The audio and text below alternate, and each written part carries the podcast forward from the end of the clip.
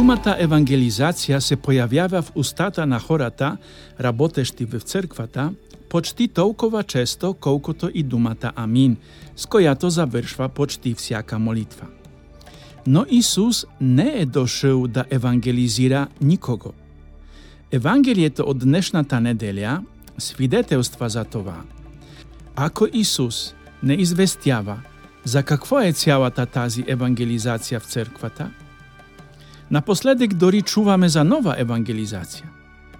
Преди да приготвите купчина дрва за да ме изгорите за ерес, молја и слушајте този подкаст до крај. Няма да има скандал. Обештавам ви и кања да слушате.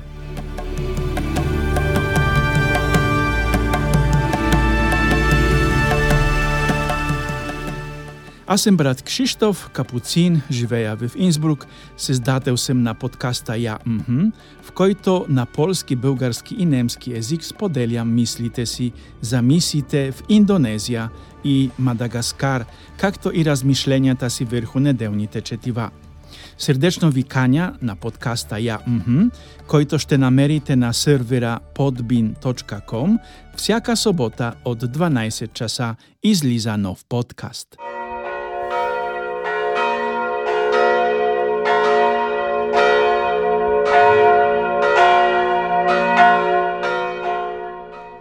Вече виждам как реката на някои скаче, които слушат този подкаст, за да ме изключат и да не слушат глупостите ми. Изчакайте, спрете. Това е истина за това, което казвам. Нашиот Господ Исус Христос не е дошъл да евангелизира света. Прво, Исус дојде за да умре за света, за да искупи света од робството на греха и да ни врне вечниот живот в единение с Бога, којто нашите први родители Адам и Ева изгубиха. Второто.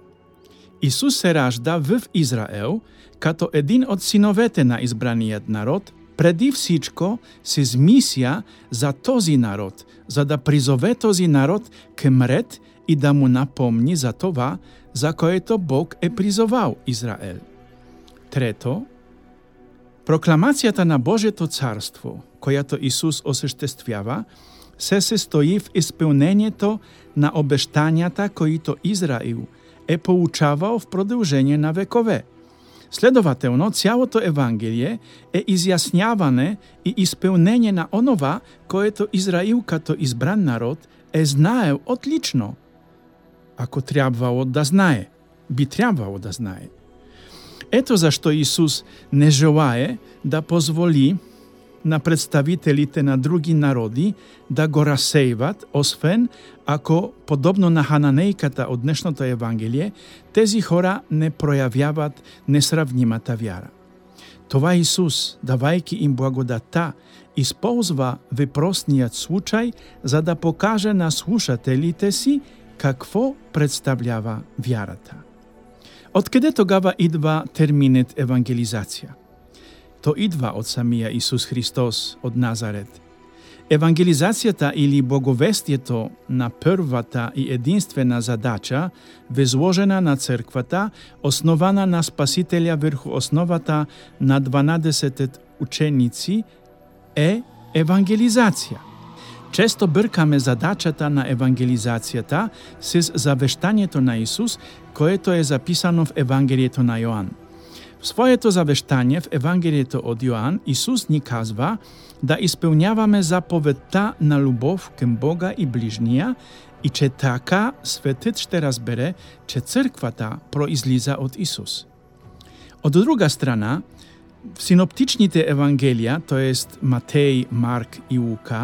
czuwamy za misja ta, koja to cerkwa ta pouczała.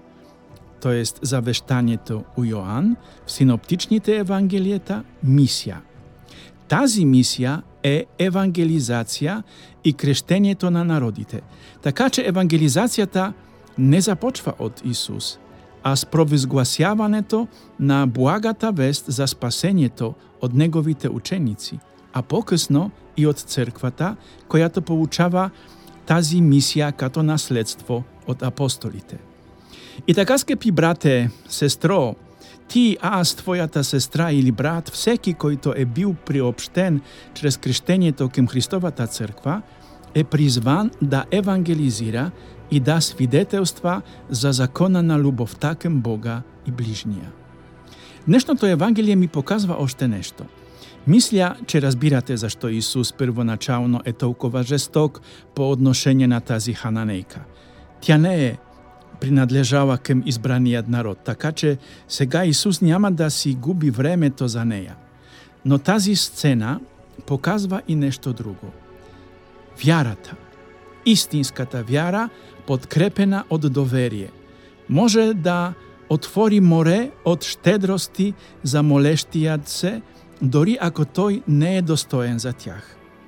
Homo sapiens има такава природа, че когато се сблъсква с вината си, очаква наказание. Това е нормално ни поведение. Всяко дете, когато сбърка нещо, очаква наказание, а не милост или награда. Когато сме виновни за нещо, ние осъзнаваме, че не сме достойни да изпитаме нещо хубаво, докато не получим наказание. Често оставаме в това чувство за вина до краја на живота си. Не успяваме да си простим, вепреки че получаваме прошка од Бога. В същото време Исус в днешното Евангелие противоречи на тази логика. Всеки който се обрне кем Бога с вяра и доверие, поучава това, което му е необходимо за щастие, независимо дали е достоен или не, дали е католик или невярващ. Бог е любов, пълнотата на любовта – И всеки който се обръща кем тази любов чрез вјара и доверие, поучава любов както жената од Ханаан. Смелост, братя, кураж! Нека осезнаем призванието си и да бидем свидетели на опита na lubów ta. Amen.